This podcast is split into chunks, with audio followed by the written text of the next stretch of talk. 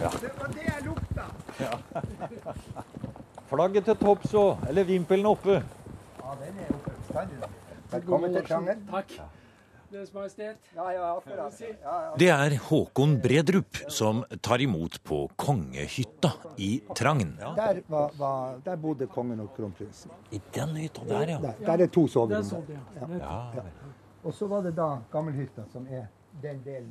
Vi er langt av sted oppe i Takelvdalen i Balsfjord. Ikke langt fra grensen til Målselv. Og vi har kjørt et par timer fra Tromsø, gjennom Lavangsdalen og langs Balsfjorden og tatt av ved Storsteinnes oppover på fjellet. Vi er i Nord-Norge nå. På et nes som stikker ut i et lite vann, omtrent en mils vei før militærleiren ved Skjold, ligger et lite hyttetun bak en flott skigard med en staselig port som fører inn til flere små og store laftede tømmerhus. Og det er så mange rom her. Det er jo Ja, Oi, se her. Ja, det er masse rom inne. eh, nei, det var jo bare det gangen der, og så var det kjøkken her, og så var det et lite kammers her, hvor da Nordli lå. Og der har vi laget det moderne eh, eh, kjøkkenet. Mens dette er det opprinnelige. Så det er den originale Ja, den komfyren som 1940, eh, ja. kokka lagde mat på Ja, til den eh, kongen og kronprinsen. Så, eh, Men den sto her, den ovnen. ja, ja, den sto i, på den veggen her. Det her, ja. Å, så godt og varmt det var her. Det er hun som eier hytta. Er det det, ja? Ja, jeg bare gårdsgubbe. I dag er det Håkon og Mai Bredrup som eier og med stor stolthet og pietet har restaurert og tar vare på kongehytta i Trangen. Hytta er opprinnelig bygget like etter første verdenskrig av fylkeslege Dybwad Holmboe. Og da den britiske krysseren Glasgow kom inn på Tromsø havn om kvelden den 1. mai 1940, med konge og kronprins og en rekke av Nygaardsvold-regjeringens medlemmer om bord, ble det raskt besluttet at det var for farlig, både for byen og kongen, at følget skulle bli der.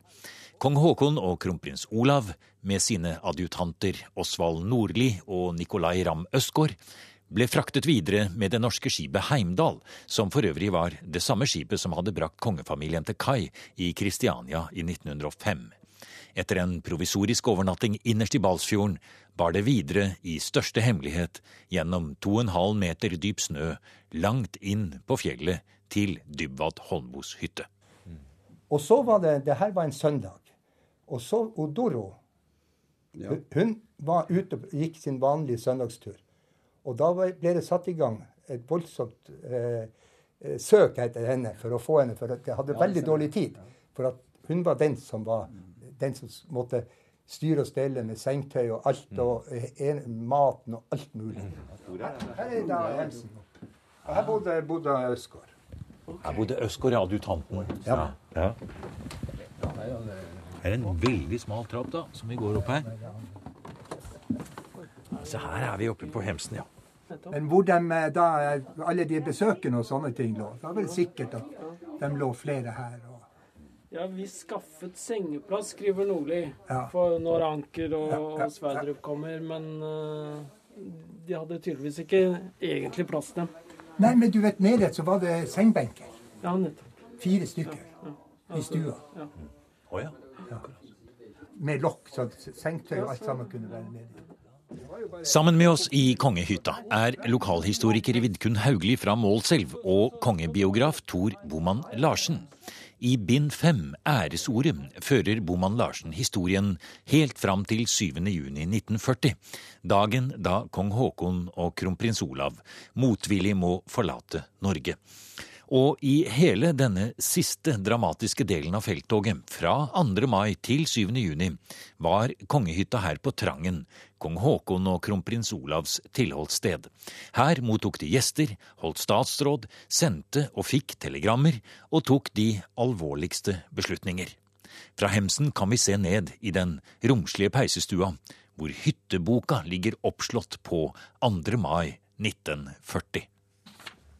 Hjertelig takk for storslått gjestfrihet i mai-juni. i 1940. Håkon R. Olav, med de berømte signaturene som vi jo kjenner. Og Osvald Nordli og, og, og Østgård. Altså adjutantene deres, ja. Har du sett. Det var da en flott eh, innskrift Ja å ha. Ja, da. Vi fikk jo boka fra, fra Fra Dybba. Dybba Holme-familien. Han kaller det altså storslått. Ja. Hjertelig takk for storslått gjestfrihet. Det er de ordene han, eh, han bruker. Eh, Han skriver jo ikke noe tilsvarende i dagboken, egentlig. Men det er interessant. Det er jo et eh, flott dokument. Fordi dette er jo etableringen av en kongelig residens. Sånn at uh, Ja, det det er trenger en forhistorie. Også rent konkret. Men det, bild, altså det henger så mange fine bilder på veggen her Ja. som har tilknytning til kongen ikke sant? og hans opphold her.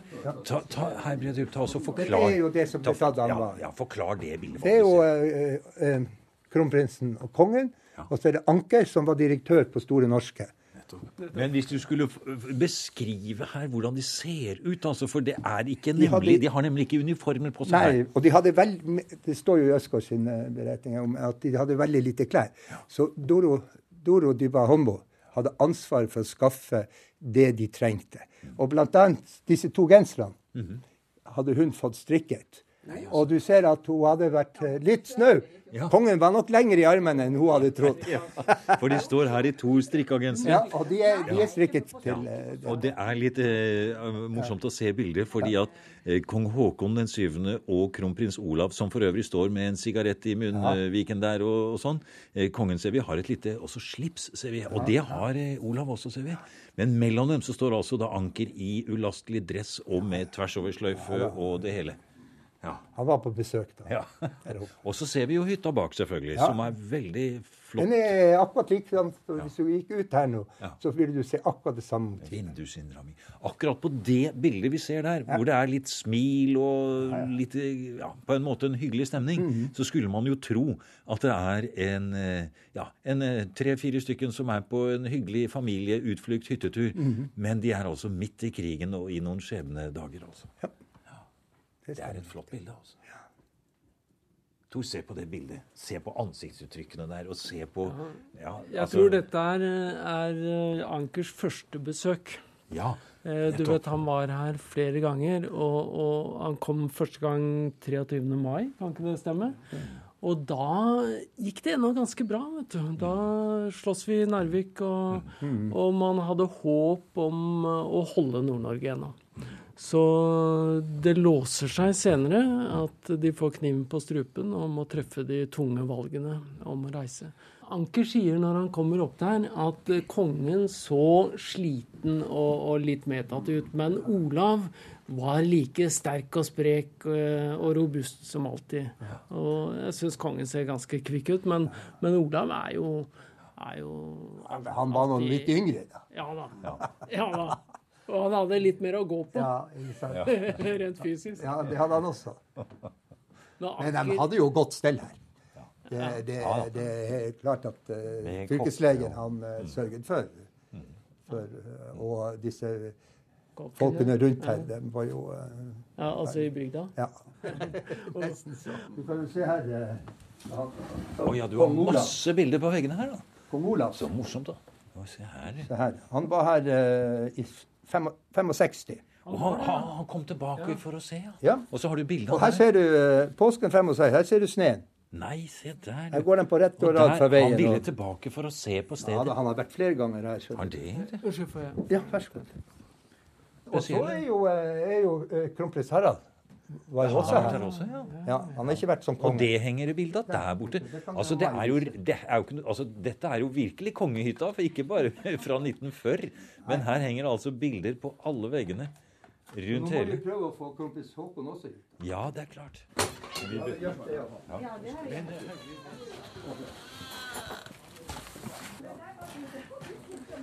Det er skikkelig vær òg nå. Ja, det kan vi gjøre. Håkon Bredrup, som er pensjonert mangeårig direktør for Mack bryggeri, har en lang familietilknytning til Trangen. Nå går vi ut i det lette snødrevet for å få et overblikk over hele hyttetunet på neset ut i langvannet ved Trangen. Det er flere store og små bygninger, noen restaurert og reparert, men anlegget står slik det var da dette var hovedkvarteret i det frie Norge i mai og juni 1940. Her var kongens rom. Han lå der. Og hvor var det kronprinsen Han bodde her. Og bare døra innafor. Men de hadde hver sin dør ut, så Ja, de kunne ja. stenge den døra hvis de ville. Så han lå her. Og han var fyrer. Du ser, her er det Ja, jeg som går tvers igjennom. Ja, så det var kronprinsen som fyrte. Ja, det var han som var fyrer. Ja, Ilegget er på den siden. ja ilegget er her, ja. Ok. Kan du se det for deg, Tor? Her ligger altså kronprins Olav og så Håkon den syvende her, mens krigen raser ikke så veldig langt unna. Ja, det er ganske det er, det er tross alt ganske romslig i forhold til en del andre steder de hadde underveis, tror jeg. De delte jo også rom eh, enkeltsteder under felttoget. Så Og eh, eh, kongen var jo så lang at eh, det var jo ikke senger som var lange nok for ham. Så den senga, den, eh, den, den ble bygget her. Og den har eh, De hadde ikke plass da han, eh, de var håndbod, så den fikk far. Så den står oppe på hans, deres hytte den gangen. Som ikke er så langt unna her. Nei. Her måtte kongen bøye seg hvis han skulle inn i Ja, det tror jeg. Ja, det måtte han ha gjort. Og hvis vi ser ut her, Haugli, ut av vinduet her Du har fortalt at eh, når dagene ble litt eh, lange for kong Haakon den syvende her så, Og det var jo is på Det var jo is på vannet her. Ja, det var klart det var is på vannet. Ja. Ja.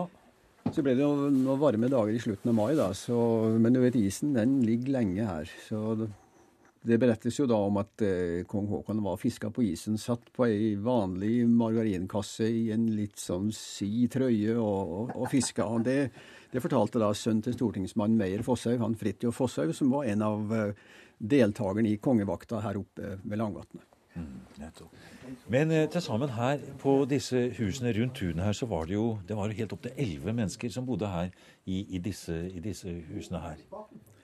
Ja, det, det var ganske mange som bodde her. Og det er opplagt. Og 17. mai f.eks., som har vært nevnt, da er det jo 17 stykker til stede i den peisestua i hytta her ved Langvatnet. Så det var, det var ganske mange som var i området her. Og vaktlaget bodde jo på forskjellige hytter. Du hadde den her Sørbøhytta og så Skoghytta, hvor de da holdt til. Så i området var det, var det ganske mange. Men det er jo likevel eh, ganske fantastisk at det var mange som visste at konge og kronprins var her. Men eh, ingen sa noen ting, så de eh, følte seg rimelig trygge her oppe. Nå går vi ut av rommet til kong Haakon den syvende. Går ut på trappa. Det er litt snøkav i lufta i dag, selv om det er på de samme datoene som da kongen var her. Men hvis du skulle bare fortelle oss litt, nå vaier det så fint i vimpelen her. Og, Det er et såkalt sommer... Ja. Det nederste huset er såkalt et sommerkjøkkenet. ja. Og der eh, var det tjenestepikene som eh, da mm. kokte maten, og så var det et lite kammers i bakkant hvor de da kunne eh, lå. Og så har du stabburet med klokka, tårnet, og så har du da sjåen. Og så lå det der nede lå det et stort, svært båthus. Som, eh, som da var både båthus, det var sjå med ved, og det var overnattingsmuligheter i andre etasje. Og så hadde, ble det da bygd, under da kongen var her, ble det bygd ei badstue som står der. Og så var det, et, eh, ved at det var så mange folk, så var det jo eh, var det et utedo i bakkant av sjåen.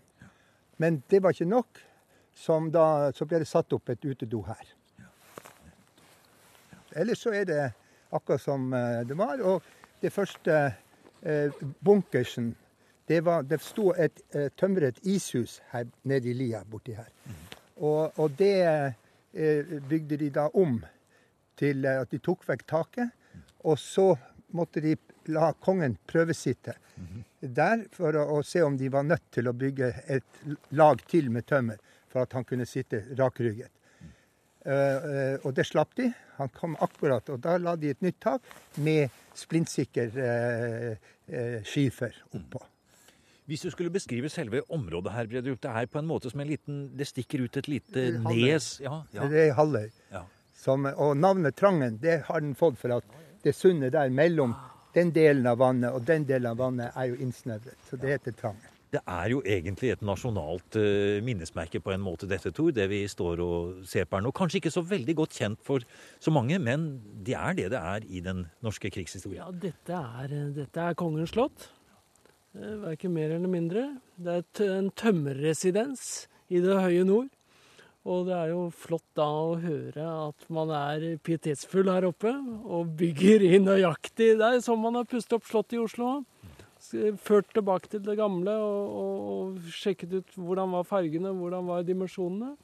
Og, og, og sånn er den verandaen. Og den har en plass som, eh, som slottsbalkongen.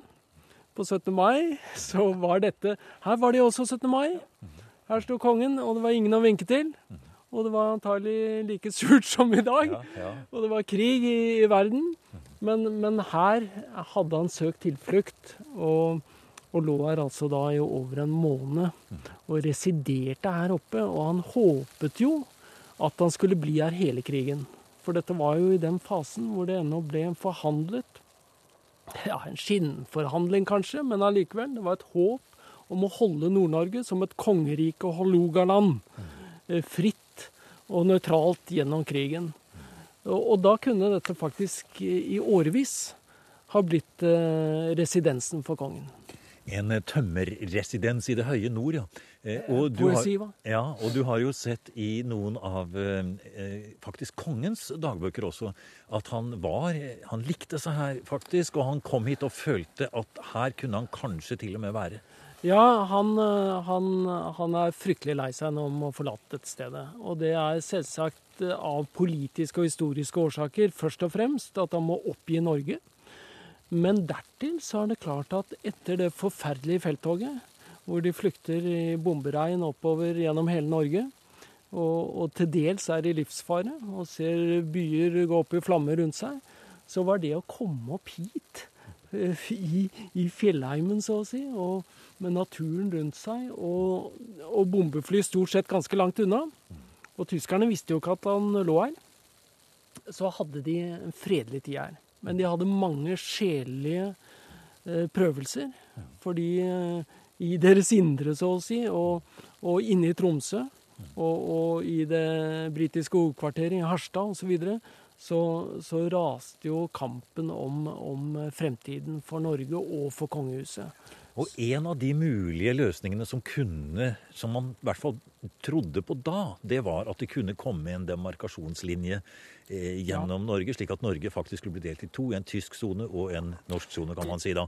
Og da tenkte kong Haakon 7. at hvis det skjedde, så kunne faktisk kanskje dette ha fortsatt å blitt hans, hans tilholdssted. Ja, da, da, ville han, da ville Tromsø være hovedstaden i Norge, og dette det kan vel være han, Jo, vi kan vel tenke oss at han da hadde eh, etablert seg også inne i byen med et lite palé, men, men dette ville i hvert fall ha vært hans Bygdøy, eller, eller hans Kongsseter, eller Og så langt så ble dette residensen. Han kom jo ikke noe lenger enn det. Og, og, og han, han trivdes her. Og du kan si dette eh, nøytrale området da, som man snakket om, det, den linjen skulle trekkes litt syd for Narvik den eh, Det ville jo vært et, et uh, ingenmannsland, holdt jeg på å si. Altså et, et nøytralt felt i den store verdenskrigen. Uh, hinsides tysk og, og alliert kontroll. Men til en viss grad garantert gjennom svenske tropper. Det var de skulle vokte linjen da. Og så skulle han sitte her oppe med ministeriet Nygaardsvold og, og, så å si være konge over Finnmarksvidda og tilliggende herligheter. Eh, og med Sovjet-Russland, ikke sant, og Finland, som jo var et krigsområde i umiddelbar nærhet. Jeg vet ikke hvordan det hadde gått, men, men de dagene i, i, mai og juni hvor, hvor, dette slaget sto, så er det klart at de håpet at det skulle bli løsningen. For det å forlate Norge det var et så høyt sjansespill at det var det verste av alt. Altså En konge som forlater sitt land, det, det, var noe som satt forferdelig langt inne. Og da klamret han seg så å si til, til denne tømmerhytta. Nå vet vi jo at uh, det skulle jo ikke gå akkurat slik som de håpet i disse dagene. Men en av de tingene som gjør dette stedet som vi står og ser på i Snøføyka her nå, eh, det er også et sted hvor det da ble foretatt faktisk helt formelle, viktige handlinger. Det har vært holdt eh, statsråd inne i peisestua her. Ja, og det var jo spesielt. Én eh, ting var at kongen bodde her, men at han også hadde en statsrådssal her. Og i hvert fall 18. mai så, så ble det holdt et ganske viktig statsråd, hvor man også utnevnte eh, kommanderende general Ruge til forsvarssjef. Eh, som var et viktig trekk, også i forhold til general Fleischer, som jo var den nær sagt egentlig regjerende general her oppe. Så, så dette var altså akkurat som Slottet i Oslo, et sted hvor kongen bodde, og hvor han mottok og holdt statsråd. Eh, og sånn sett så er vi eh, Og riktignok er det høyt rundt taket her, for det er ja, merkverdig høyt å være tømmerute. Ja. Eh, så, så, er det jo fantastisk å tenke på at dette var, var, en kongelig residens. Ikke bare bygningen, men når vi ser rundt oss, ja, så ligger jo vannet og, og skogen og, og snøføyka. Altså, Skal du være konge av Norge, så må jo dette være absolutt optimale sted å residere. Jeg tror at alle i dette landet vil forstå at det er med dyp vemod og sorg at jeg i dag minnes de mange lykkelige ganger at jeg med min familie fra slottsaltanen i Oslo i Tor Boman Larsens bok 'Æresordet' blir vi tatt med inn i kongehytta på Trangen, og får beskrevet i detalj forhandlinger og fortrolige samtaler, slik de fremgår av kongens personlige dagboksnotater og fra adjutantenes nedtegnelser. I neste program her i museum skal vi følge kongen inn til Tromsø og få høre mer om overlegningene mellom statsoverhode og kronprins i disse avgjørende dagene. Men før vi slutter i kongebunkeren like ved kongehytta, tar vi med noen autentiske ord fra kong Haakons 17. mai-tale i 1940. Lest inn på grammofonplate i peisestua her på Trangen og kringkastet over de fortsatt frie senderne i Vadsø, Tromsø og Bodø. Platen ble reddet og tatt med til London og er nå i NRKs historiske arkiv denne landsdel, som i tidligere år kanskje ikke har vært påaktet efter fortjeneste, men som i disse dager viser at det med dyktighet og verdighet kan representere et fritt og selvstendig Norge. Og det er mitt håp at vi herfra, med våre alliertes hjelp, må kunne organisere vårt forsvar på ny, og derigjennom gjenvinne friheten for hele det norske folk. Gud syne vårt dyre fedreland.